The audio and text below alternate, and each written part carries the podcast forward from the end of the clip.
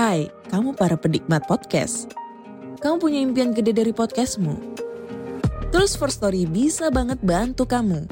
Mulai dari F-Link, Dynamic Audio Insertion, sampai statistik yang komprehensif. Semua ada di First Story. Gak ketinggalan kamu bisa monetisasi podcastmu lewat iklan dari First Story Ads yang bisa kasih kamu penghasilan dari setiap place podcastmu. Yuk gabung sekarang dengan klik di firststory.me.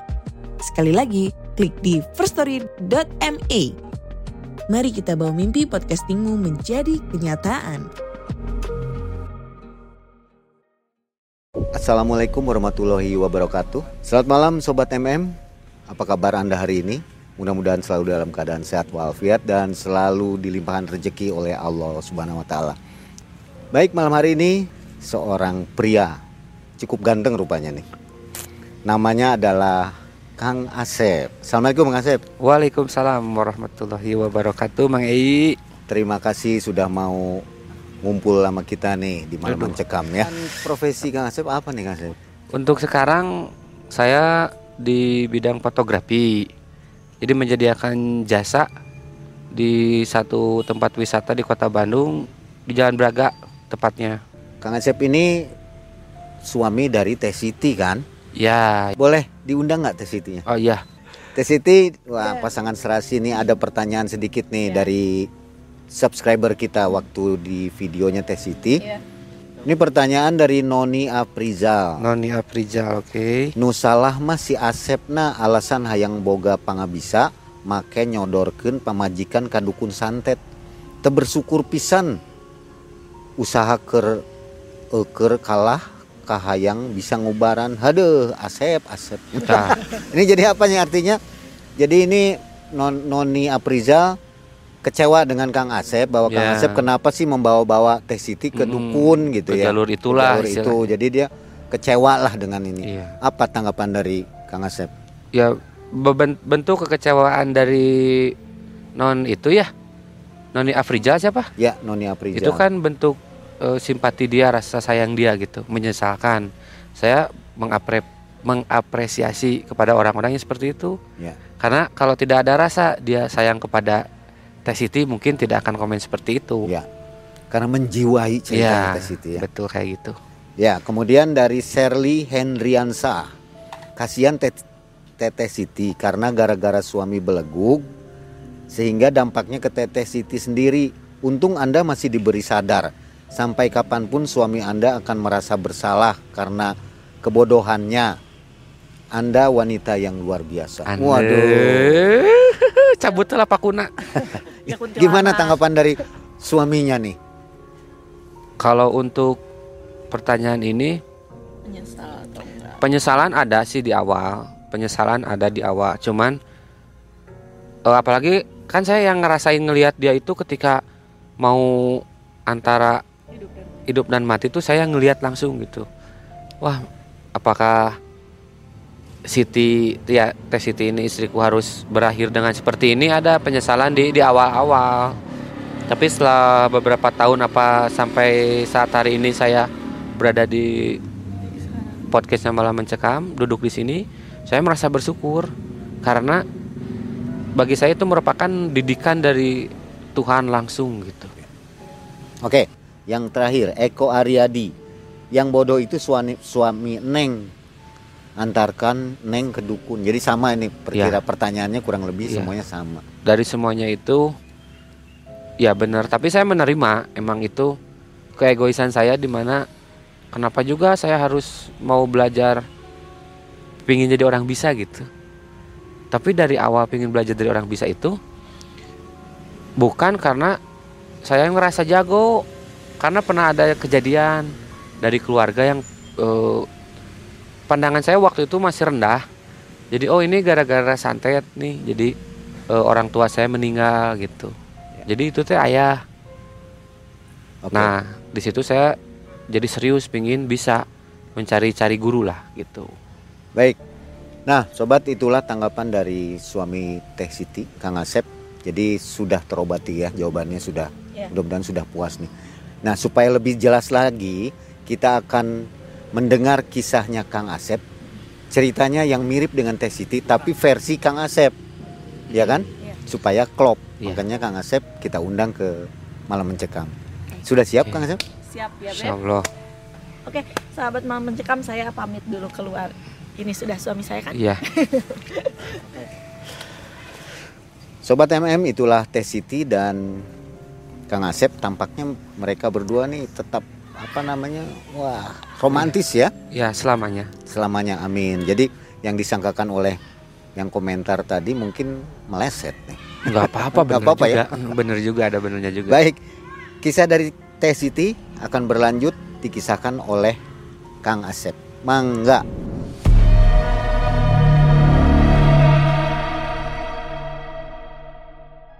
Jadi dulu itu saya kan punya teman, dia ikut jualan sama saya gitu. Saya bercerita bahwa istri saya suka bisa melihat hal-hal yang tidak bisa dilihat oleh manusia lain. Jadi di tubuh Teh Siti itu ada jin yang melihat jin dari keturunannya terdahulu. Karena banyak juga orang yang kayak gitu eh, bilang gitu harus dibersihin katanya. Diajak sama teman saya itu untuk bersilaturahmi dia ya berada di kawasan Bandung Barat. Setelah saya singkat cerita saya datang dan menemui Pak Haji itu namanya karena memang beliau katanya pernah ke Mekah juga sama keluarganya. Begitu pertama masuk ke situ memang kelihatannya orang-orang benar-benar bisa bakal menuntun kita yang bodoh atau kita yang tidak tahu apa-apa pingin menjadi orang yang bisa tahu ya aja pasti terbius dengan situasi ngelihat keadaan si Pak Haji itu sendiri. Karena pertama dari rumah aja itu udah megah sekali. Panjang itu kalau kalau di Bandung itu di Bandung kota rumahnya itu satu gang lah. Saking panjang dan luasnya itu. Bisa satu RT rumah dia itu. Ketika saya masuk ini loh dikenalin kan ini loh Pak Haji. Pertama ngelihat oh ya Pak Haji. Nah ada aura yang menarik lah dari beliau itu jadi kan rumahnya teh ini glo- gloss kayak glosir handphone, masuk ke restoran, tempat makan. Nah ini tempat eh, kumpul kita kalau lagi sharing masalah ilmu. Ke dalamnya itu baru rumahnya. Begitu masuk ke tempat kasir, kasir resto, saya ngelihat dia pakai baju biru, salam. Nah ketika mau masuk ke tempat sharing, kan di tempat jalan gini, dari situ ada ruangan, dia pakai baju kaos sangsang terakhir udah du- duduk di tempat biasa tempat sharing kayak gitu ruangan saya pengen ke air. Masuk ke air dia lag- ada lagi nyuci. Nah di situ mang Ei oh ini orang-orang berilmu bener. Dalam satu pertemuan saya bisa ngelihat dia tiga jadi nggak sama. Yang di depan pakai kaos biru yang di tengah itu tempat kasih restonya dia pakai baju lekbong gitu terakhir dia lagi nyuci. Saya bilang ke temen cewek eta tilu wah itu cino ah enggak Pak Haji mah satu tapi saya ngelihat ada tiga euy. Yang mana yang nemuin saya? Yang nemuin saya yang dari rumahnya dari arah rumahnya.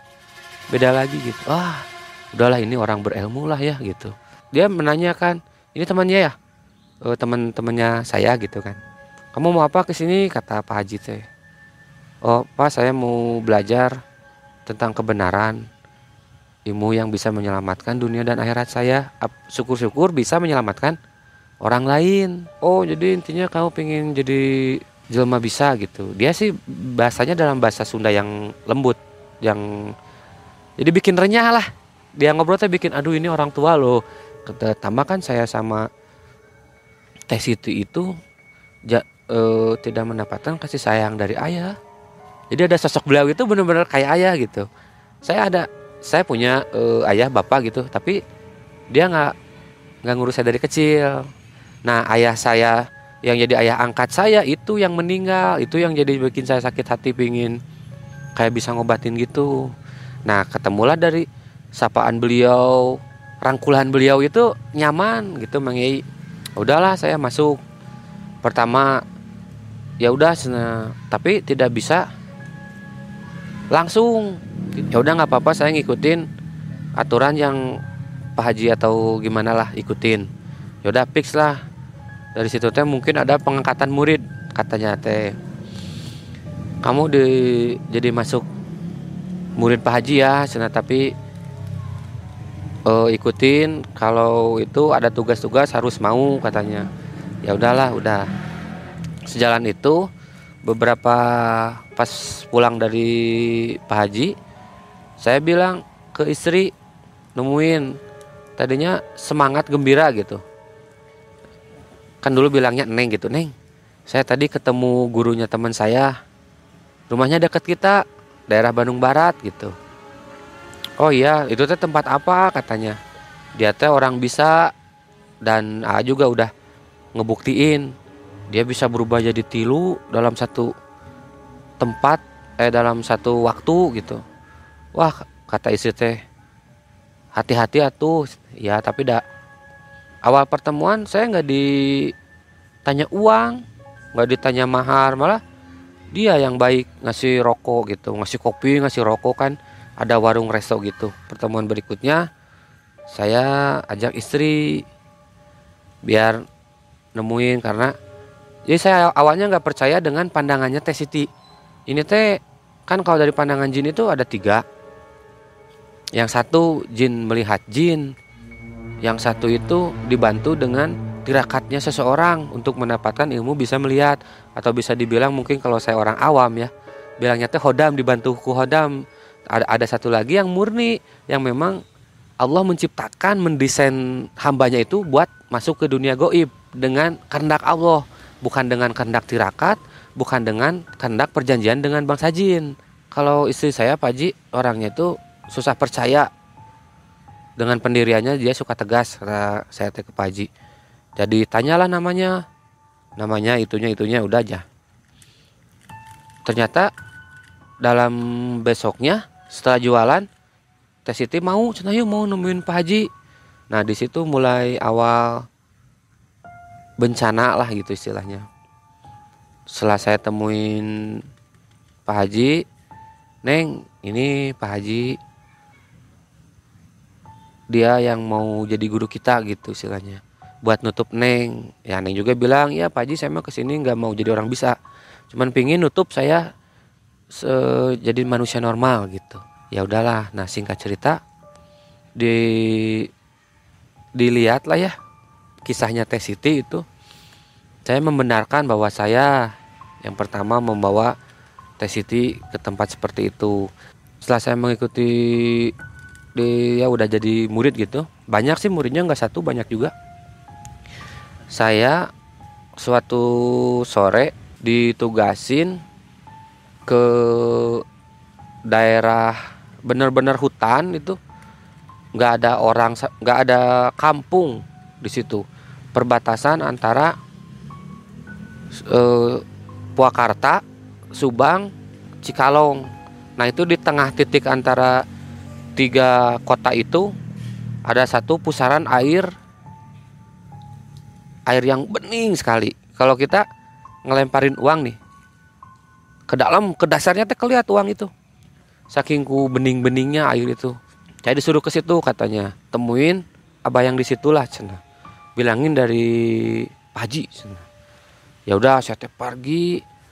Kurang lebih perjalanan tiga jam dari rumah saya itu. Karena jalannya itu melalui kebun teh. Dari jalan sampai melewati beberapa kampung. Kebun teh kampung dikit-dikit kebun teh kampung dikit-dikit di situ. Wah jauh amat cetes seolah-olah jalan ini teh kayak sehari kerasanya teh. Ya udahlah saya terusin. Tapi yang aneh tiba-tiba di jalan itu saya nemuin orang yang bukan warga situ bannya itu kempes gitu. Ban motornya itu kempes dia lagi ngedorong. Saya tanya aja pak mau ke mana? Mau ke situ? Cina dia nggak nyebutin. E, tahu nggak yang ada tambal ban? Nggak tahu pak. Saya juga bukan orang sini kata saya. Teh saya juga mau ke sana aja bilang. Ya udah tuh pak duluan ya. Maaf nggak bisa ngebantu. Semoga ketemu tambal bannya. Ya udah saya pergi aja udah saya nyampe ke daerah situ budit eh, sore sore eh, menuju maghrib dari mana ini? Saya dari Pak Haji ini, kata saya teh. Oh iya, tadi nelpon katanya. Kamu nggak boleh pulang hari ini setelah masuk ke lokasinya beliau itu. Oh, saya pengen pulang cuman e, keinginan saya itu waktu itu saya bilang ke Pak Haji itu pingin ngebersihin diri ada nggak pak kata saya teh air yang bisa ngebersihin diri saya hati saya gitu. Oh enggak sekalian aja karena ini hitungan beliau itu ada hitungan yang tepat buat kayak gitu. Nanti juga ada dua orang lagi yang mau datang ke sini. Jadi pas tiga orang nah hitungannya. Berarti kalau dalam hitungan dia itu tiga itu dunia dunia itu berarti kekayaan. Dan saya nggak tahu. Ya udahlah di di lokasi itu saya cerita sedikit di bawahnya itu air yang sangat bening sekali. Dari zaman dulu itu udah bening terus saking hutannya di jalan itu di sepanjang jalan saya mau ke sana teh ada kala jengking teh segede-gede gini. Mang gede. Wih ini bener-bener hutan kataku teh. Udah masuk di bawahnya itu air bening. Nah naik dari air bening itu ada tang ada pohon pohon beringin yang udah ratusan tahun itu bisa masuk untuk 15 orang. Jadi tengahnya itu bolong. Nah ini untuk orang-orang yang mengasah ilmu katanya gitu. Nanti juga ada yang masuk ke sini nah terus bagian aku di mana pak sekarang? Atau ubah bagian Asep mah nanti di sana ada lagi. Tapi nggak boleh ngelihat dulu katanya. Wah ya udahlah nggak apa-apa. Nunggu maghrib aja. Ya udah nunggu maghrib. Nah udah maghrib datang tuh si bapak yang tadi ketemu di jalan banyak kempes. Oh ya ah, kenapa? Ke sini iya saya mau ketemu abah ini. Iya saya juga sama. Nah ini nanti sama cenah kayak Asep ke sana juga. Bukan ke Caringin atau bukan tempat mandi katanya. Oh ya udah. Datang satu lagi nih. Dia orang Purwakarta saya masih ingat. Badannya kayak saya dedegannya kayak gini gendut. Weh, nah ini dari mana? Saya bilang aja dari Bandung, saya dari Bandung Barat. Oh ya udah, kita sepakat ya bertiga, cina. Saya nggak tahu Mai. Sepakat apa di tempat sana? Oh iya, ayo. Saya mah gimana abah aja. Ikutlah Mai. Saya yang biasa nggak takut apa-apa, baru ngerasain begitu ngelihat situasi itu, tuh di sana tempatnya, saya langsung takut. Wah, kenapa saya takut? Ada apa gitu? Bawa air bawa air bawa air katanya kata si abah itu. Ya udah kita semua bawa air. Kan saya emang nggak bawa peralatan. Nggak tahu lagian pula nggak tahu awalnya mau ngapain itu ke tempat itu gitu. Begitu mau masuk ada kayak pintu tapi dibentuk sama pohon pintunya itu. Nggak tahu pohon apa ngebentuk pintu kayak gitu. Masuk pada datang ke sana. Kok nggak bisa ngelihat? Jadi saya mau ngelihat telunjuk kita pun nggak bisa. Nggak boleh nyalain korek gak boleh nyalain nggak boleh nyalain apa apa yang terang. Waduh kata aku teh si abahnya itu adan. Waduh seolah-olah kita teh mau mati masuk ke lokasi itu teh ini teh mau mati atau gimana? Udah mah nggak bisa ngelihat apa-apa gitu ya. Waduh saya megangin weh ke temen. Kata si abah sok pegangan pegangan. Udah aduh mau nggak jadi takut dimarahin sama si abah. Takut ngaco ke yang dua ini yang dua orang ini e, bah aku mau mau di tempat abah aja. Eh udah dicatat tadi udah ditawasulin kata abah. Aduh. Jadi perasaan beda. Waktu malam itu saya nggak bisa ngelihat. Man disuruh duduk di sini di sini di sini. Ya dia dia cuman jadi yang nyalain yang menyala menyala itu hanya si abah aja yang boleh. Kalau yang lain nggak boleh. Jadi di, di sana kita nggak boleh ngerokok nggak boleh apa apa nih duduknya di sini. Jadi ada batu nemprak di sini ada batang-batang kayak saung di atasnya itu. Tapi pakai pakai alam gitu. Saungnya itu pakai alam pakai nggak tahu jarami nggak tahu apalah pakai alam aja. Di sini nah di depan disenterin. Nggak boleh lama ini ya harus ngelihatnya. Pokoknya patokan aja. Begitu kan truk. Ada batu yang gede ngelogak gitu. Bahasa Indonesia apa? Ngelogak teh cekung. Jadi batu besar lah. Segitulah batunya. Segitu. Nah ini cekungnya segini di situ ada juga e, batunya itu kayak marmer halus gitu. Nah si or dua orang ini yang membawa syarat yang bareng sama kita nyiapin di situ daging-dagingnya daging tusuk ya daging yang udah bulat gitu terus sama ayam mentah sama telur sama sasajen yang lainnya di sini. Nah kalian bertiga harus berzikir di sini bilang ke saya mah ini untuk ngebersihin yang ada di asep yang jeleknya katanya. Ya udah pak saya mau kalau untuk ngebersihin diri mah gitu. Mau saya ngejikir. Dia ngejikir tapi dalam jikirannya itu beda-beda. Kita ngebuka sedikit ilmu ya maaf. Di situ tuh ngejikirnya itu asmaul husna. Itu mang Ei. tapi kenapa yang datang? Bukan pemilik asmaul husna gitu istilahnya. ya. Jadi satu orang didampingi satu orang lagi nggak boleh sendiri. Yang kita berzikir bertiga menghadap yang batu gede itu cuman bermodalkan dupa. Jadi kita tuh bisa ngelihat dupa aja mang Ei. karena kan itu ada cahaya. Teman saya begitu ngejikir ada suara gitu kayak kresek kresek itulah kresek kresek lah. Takutnya hewan hewan bener-bener hewan. Karena itu kan perbatasan Subang Purwakarta dan Cikalong. Itu bener-bener di tengah-tengah kita. Kalaupun kita mati teriak nggak akan ada yang tahu. Di situ si saung yang terbuat dari batu itu oyak mengenai oyak gitu ya? Goyang heeh. curiga ngelihat ke kiri adalah jadi itu teh kayak kunti tapi nggak ada ininya tulang. Tulang aja gitu kunti rambutnya panjang kan biasanya putih atau gimana rata. Ini enggak tulang tapi darah darahnya kelihat astagfirullah sih. Wah ini udah mulai penampakan udah horor eh. Kalau yang pesugihan gitu kan tumbal gitu harus dari orang-orang yang kita cintai. Tiba-tiba ngelihat kunti itu saya ingat ibu saya. Takut eh nggak nggak ingat sama istri mah. Teman ingat sama ibu. Duh mama teh maaf ini anakmu jadi kayak gini. Nah udah. Kata si seorang Purwakarta itu bilang ke saya sebahasa Sunda kan yang gendut sih cenah tuh konsen. Padahal dia juga gendut jadi kita teh ribut sama orang sama calon-calon pesugihan teh ini teh. Si agak gendut gandeng cenah ieu. udah udah diam diam ngejikir lagi fokus fokus. Yang si bapak itu mah nangis yang sebelah saya mah uh dan malah nangis dah. Seber atau mang itu batu bisa gerak gitu gitu. Sehingga kayak gempa gitu gitu. Udahlah posisi batu. Udah kedengar suara yang lagi makan. Kan telur kalau telur mentah dimakan itu kayak kayak gitu. Kedengar ih, ini ada apa ini? Kok ada orang di kan kata abah nggak boleh. Nggak boleh masuk. Jadi ini tempat sesajen batunya kayak gitu kan cekung. Nggak boleh ada yang ke situ. Harus di depan sini aja diem gitu jaraknya. Saya penasaran. Aduh pingin lihat pingin lihat kayak gitu. Ya udahlah saya beranikan diri aja lagian si abahnya juga nggak akan tahu. Saya ambil bensin. Begitu saya nyalain Duar, saya lari langsung dong ke belakang itu nggak nggak pakai ancang-ancang. Udah butuh trek lihat wajah maung itu. No nota ya gitulah bahasa kieu no nota no kurang cenah lompat gendut bet sieun gendut. Saya bilang ngelihat wajah harimau warna putih tapi melebihi itu nampan itu gede banget wah saya juga si bapak itu kenapa nangis? Melihat buntutnya.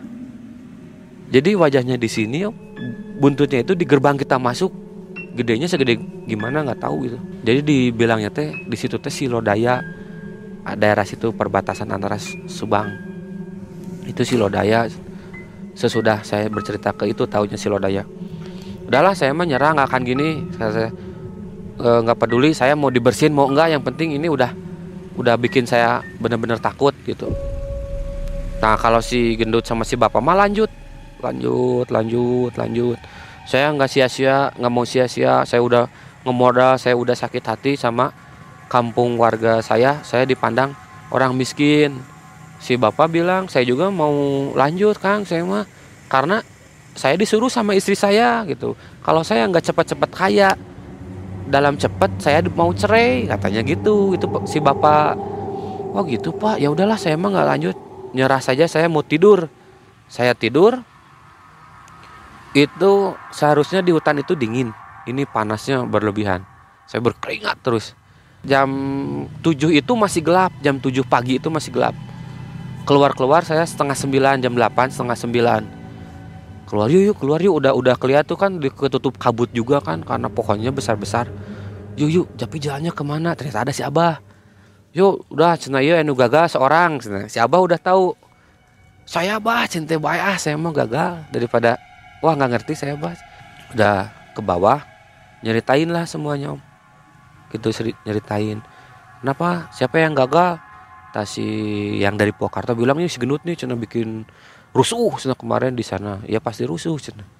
Soalnya ada yang hadir gini-gini kata si abah bahkan aku mah pertama bilang pingin ngebersihin diri. Kenapa abah dilibatkan kayak gini? Kata si Pak Haji kamu harus kaya. Kamu itu usaha. Kamu punya sesuatu yang bisa membuat kamu kaya.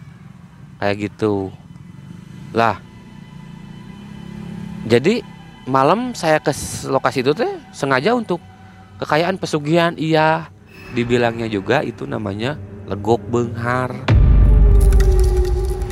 Kalau dalam bahasa Indonesia teh eh, cekungan kaya gitu. Tempat mencari kekayaan yang sangat singkat cepat.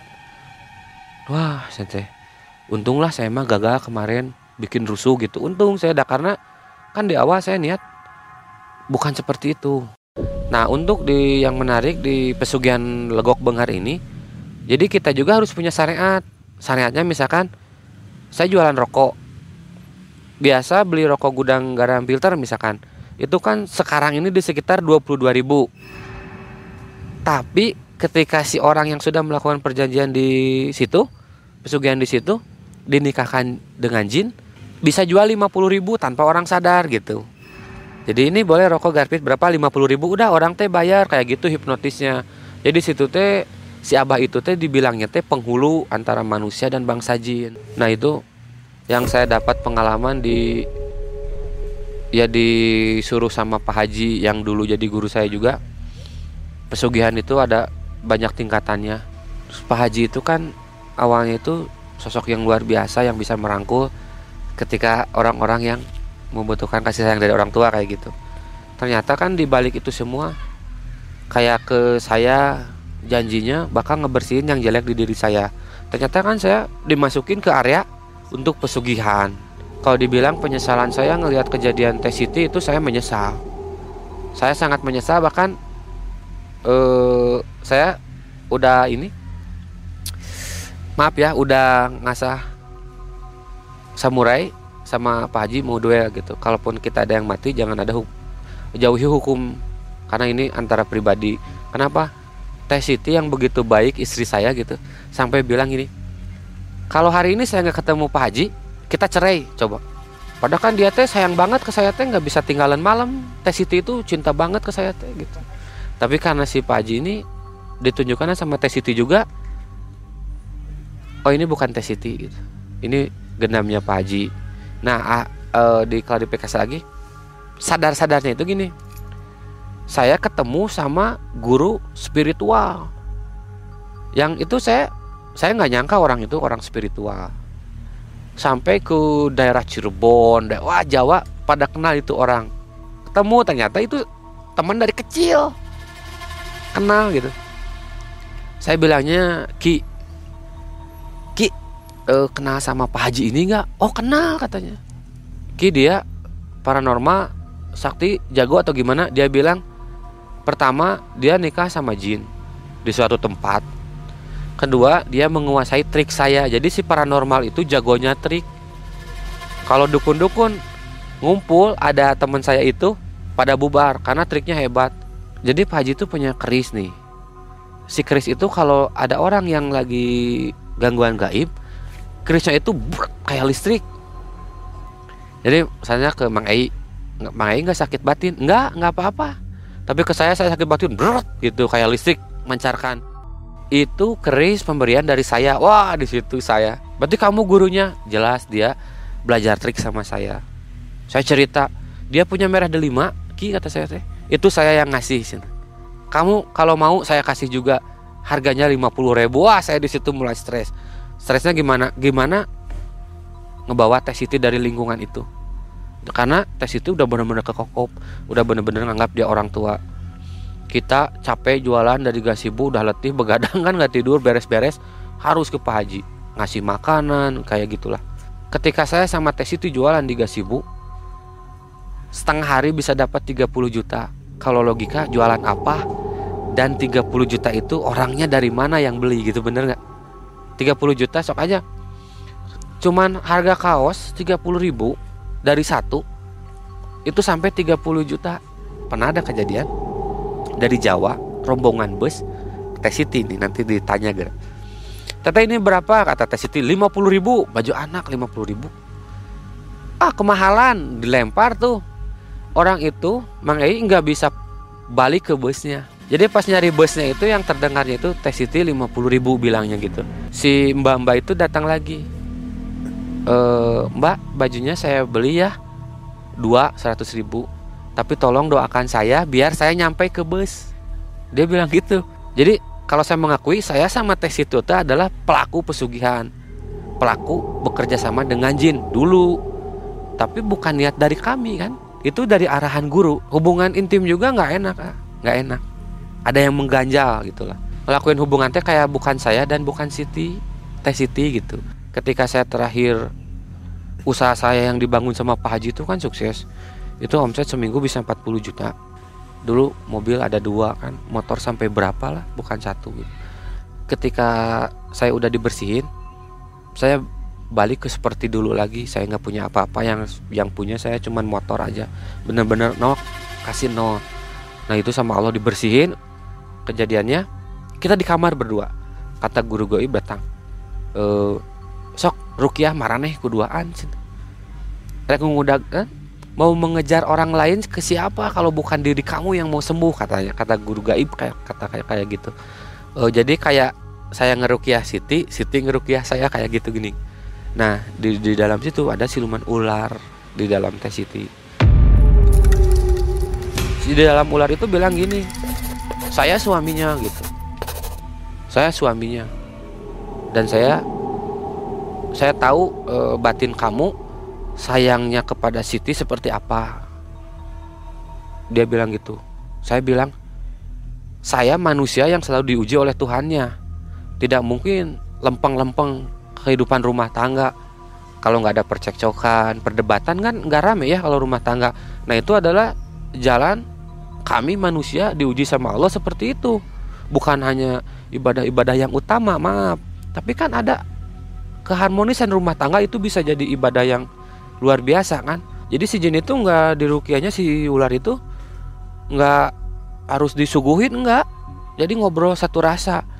Baik mulai saat ini saya akan mencintai dia karena Tuhan saya. Nah di situ dia langsung wah kayak gimana? gitu. Ya udah yang gue na aing nek indit tapi ulah ke jalur eta deui ulah masuk ke jalur kayak kemarin. Kalau masuk ke jalur itu ada tingkatan yang lebih tinggi yang bahkan kamu sama guru kamu sama siapa pun gak akan bisa uh, nyembuhinnya lagi katanya gitu. Ya udah nah si udah si ular itu pergi teh Siti yang ngerukiah saya. Tiba-tiba saya berdiri seperti genderuwo gitu. Saya ngaca itu itu saya menyaksikan diri saya sendiri di kaca. Oh itu di, di, di, jadi saya sudah uh, masuk ke genderuwo tapi hati kita ya Allah di malam ini saya harus itu teh tahun baru ya teh Siti? Tahun baru Islam. Pas udah ngelihat obor kita nangis. Seolah-olah ada panggilan dari mana. Saya rindu kalian untuk kembali lagi ke jalan yang sudah saya tetapkan. Ada yang bilang kayak gitu. Nah udah di situ sembuh ya eh, cara memutuskan rantai pesugihan dari si Pak Haji ini ternyata kita kembali tobat kepada Allah gitu. Ya Allah uh, itu dari kita. Jadi nggak nggak nggak ngedengar dari orang lain ada dari hati. Saya pingin rumah tangga normal seperti biasa dan saya menyesal untuk segalanya. Jadi saya kebalik saya menyesal pingin jadi orang bisa gitu aja. Nah kalau Teh Siti saya menyesal tidak menerima karunia dari Tuhan. Pada akhirnya ya udah ikutin. Ikutin apa yang ada untuk sampai sekarang ini. Ikutin apa yang ada. Kata kata orang lain bisa dibilang ngubarin terserah orang. Kalau kata orang lain dibilang nggak bisa ngubarin ya terserah orang gitu. Yang penting mah antara saya Siti dan Allah terserah kamu yang menciptakan saya. Itu aja. Pada waktu itu sebelum pesugihan itu hmm. itu udah kejadian dengan tes itu atau belum si Pak Haji ngajak pesugihan itu? Menjerumuskan ke pesugihan maksudnya? Saya dulu awalnya. Oh itu dulu. Uh, karena itu tes ya? proses tes itu udah masuk cuman saya mulai proses ke situ. Ada satu yang menarik. Jadi Siti tes Siti pergi sama Pak Haji tanpa sepengetahuan saya. Tapi udah sorenya dia bilang ah Sena Abi diajak ku Pak Haji. Ngegas kan suami diajak non we gitu. Enggak ini cuman jalan-jalan. Oh ya udah tuh cuman jalan-jalan makan-makan. Jadi dia itu jenius dalam segi nipu. Beneran. Kita kan? Kalau orang tahu susuk itu hanya emas saja ya. Di susuknya emas padahal di sini banyak susuk. Setelah saya belajar ada susuk air ada susuk inten ada susuk bunga kantil. Kopi om eh kopi mang eh, itu bisa jadi susuk air kopi. Nah di situ proses ketika saya nggak ada kan ketika saya jualan Teh Siti ikut jalan-jalan dikasih makanan sama Pak Haji. Nah di situ dibilangnya tingkatannya susuk air itu udah masuk. Dalam jangka tiga hari dia mulai bilang sering curhat "Hmm, Pak Haji itu sayang ke ke Neng ah itu yang nganggap anak kayak gitu. Dia langsung udah mulai jadi ucapan saya e, teh jangan dulu ke Pak Haji hari ini ya kita ada kirimin barang nih. Enggak enggak harus ke Pak Haji dulu. Datang ke Pak Haji cuman Pak Haji sehat? Sehat Neng ulah lupa makan ya. Terus samun iya iya iya. Gitu. Udah ayo ah udah seneng. Kita gerak itu si Neng Siti eta. Eh jadi emang bukan selingkuh secara pelakor bukan tapi si Haji ini ngebius. Rasa sayang itu dipindahkan gitu. Saya sempat nggak dihargai sama Teh Siti. Nggak dianggap sebagai suami. Emang itu kan awalnya kesalahan saya gitu. E, jadi intinya emang kalau sekelas zaman dulu sekelas zaman saya di usia segitu dan pengalaman segitu saya jauh sama si Haji. Dia lebih ini gitu. Tapi wallahu alam bisawab hanya Allah yang bisa. Untuk sekarang udah ketahuan trik semuanya udah tahu lah gitu Waktu jualan itu sampai dapat 30 juta, Hmm, 40 35. juta Nah, gitu ya. Sadar nggak itu udah dimainkan oleh Pak Haji? itu nggak sadar cuman di dalam diri saya dan di dalam diri tes itu itu ng- ngerasa kebanggaan nih saya loh punya guru haji itu bisa seperti ini gitu Emang minta ajiannya atau enggak? minta jadi begitu udah beres ngelapak dikasih air ya teh dibekalin air di depan lapak itu kayak gitu. Yang menarik apa? Jikirnya itu asmaul husna. Padahal saya melakukan perjanjian dengan jin lagi musrik tapi tetap asma husna yang dipakai. Bagaimana kabarnya Pak Haji eh, sekarang Kang Asep? terakhir teh kan saya sempat kenalin sama bos konveksi. Terakhir saya dengar dari orang konveksi eh si Pak Haji datang kayaknya hidupnya udah susah udah susah banget karena waktu dulu gini kan saya ketemu guru dohir nih jadi yang mempertemukan guru dohir saya itu sebenarnya sebelumnya ada dari guru batinnya Teh Siti ya waktu Teh Siti masih kecil itu sering didatangin kakek-kakek Nah itu ditemui nih, kamu bakal dapat waktu itu prosesnya lah seperti itu. Kata guru, kata guru bilang jangan dendam. Kalau kita yang mengeksekusi dia, ya guru bilang bisa aja, mau semua sekeluarga mati sekarang juga bisa kata guru. Tapi nggak boleh, ada Allah yang maha tahu hukum gitu ya. Nanti si Haji bakal begini-begini itu kata guru saya. Karena dilihat dari semua kejadian yang udah kayak gitu, seperti itu kebanyakan ya udahlah kakinya membusuk terus si perutnya bener-bener gede gede banget gitu Nah, udah itu kata guru waktu itu ya udahlah dan itu mah Allah cina yang ngebalesnya bukan kita asal jangan kita. Ya udah. Tah terakhir saya terakhir-terakhir bulan-bulan kemarin kerja sama lagi dengan konveksi yang pernah ketemu dengan si Haji itu. Tahun berapa tuh? 2020 itu ketemu sama orang konveksi ya bos konveksi. Dia datang ke sini katanya hidupnya udah susah eh minta-minta gitu. Tak saya dengar gimana? Ngelihat kabarnya si Pak Haji nggak Eh, Pak Hajinya mah nggak turun cuman anak angkatnya yang turun. Jadi eh, mereka nyamperin ke mobil. Ini dari kaki segini teh ke sini hitam.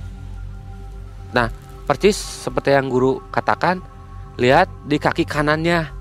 Menerima karmanya. menerima karma karena korbannya saya bukan saya setiap muridnya semua itu korban. Banyak malah mah.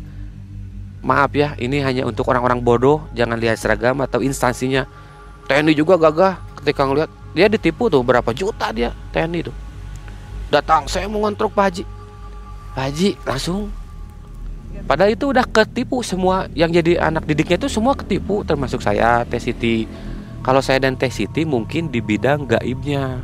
Yang jadi terakhir bilang si ular itu kalau berhasil dia meni dia nikah jadi di kehidupan alam sana nikah saya kalau saya yang numbalin saya yang kayak itu kan versinya si Haji yang pingin kayak nah si Haji yang kayak dia ya si tes itu yang jadi tumbalnya saya yang jadi korban perasaan dong pasti penyesalan gitu Ya. nah kayak gitu Jadi Teh Siti ini akan ditumbalkan oleh Pak Haji sebenarnya ya. Hmm, dan itu nyata itu eh, bukan bukan karangan atau khayalan gitu Ya. Sobat, itulah kisah dari Kang Asep. Jadi ceritanya sudah klop ya bahwa Kang Asep benar-benar menyesal menyesal dengan memperkenalkan Teh Siti kepada Pak Haji ya. Akhirnya semua berakhir happy ending lah ya. ya Semua alhamdulillah kembali s- romantis. Kang Asep dan Teh Siti kembali hidup normal sampai sekarang. ya Mudah-mudahan dari kisah Kang Asep dan Teh Siti kita mendapat pesan yang positif. Hati-hati kalau ke dukun ya. ya Dengan Asmaul Husna ya saja bisa jadi ke kiri ya. Mm, jadi alat untuk itu Iya. Terima kasih Kang Asep atas kisah yang Sama-sama. sangat menarik dan bermanfaat untuk kita semua. Teh Siti juga terima kasih nih ada di sebelah saya. Semoga sobat semua terhindar dari kejadian seperti ini. amin ya Allah Saya Mang Ei dan tim mengucapkan wabillahi topik wal hidayah. Assalamualaikum warahmatullahi wabarakatuh. Waalaikumsalam